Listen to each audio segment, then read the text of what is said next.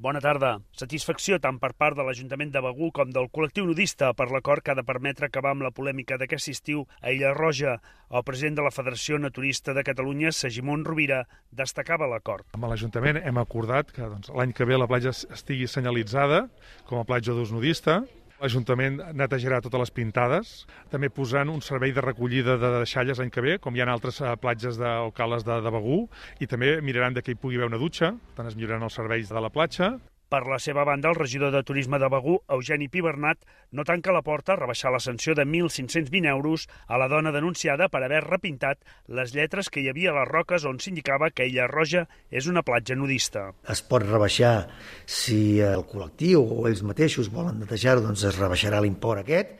i després també se li ha dit que, evidentment, si es neteja aquesta pintada, com en el seu moment es va expressar la voluntat de fer-ho,